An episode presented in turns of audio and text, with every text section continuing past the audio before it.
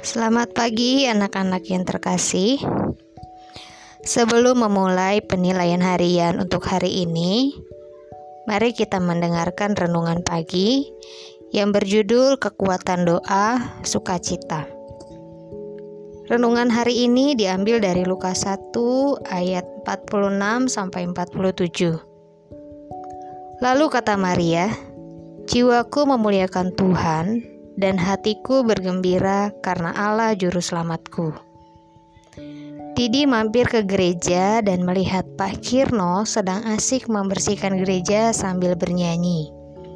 Padahal Didi tahu setelah Paskah kemarin ada banyak yang harus dibersihkan dan dikembalikan ke tempatnya.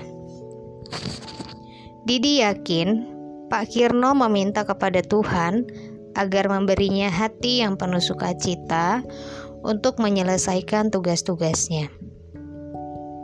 Dalam kitab Lukas 1 ayat 46 sampai 56 Bapa di surga mengutus malaikat kepada Maria untuk memberitahu tugas Maria menjadi ibu bagi Tuhan Yesus.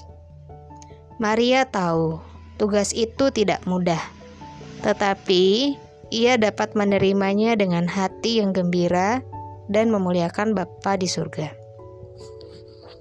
Anak-anak, kadang kita tidak suka diberikan tugas yang menurut kita berat kita dapat berdoa kepada Bapa di surga supaya dapat melakukannya dengan sukacita.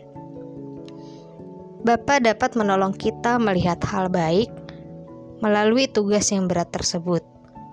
Karena itu, ia ingin kita menjalaninya dengan sukacita. Semua tugas yang dikerjakan dengan sukacita pasti hasilnya baik.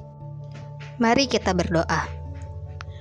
Bapa di surga, Terima kasih telah menolongku menemukan alasan untuk selalu bersuka cita. Dalam nama Tuhan Yesus, aku berdoa. Amin.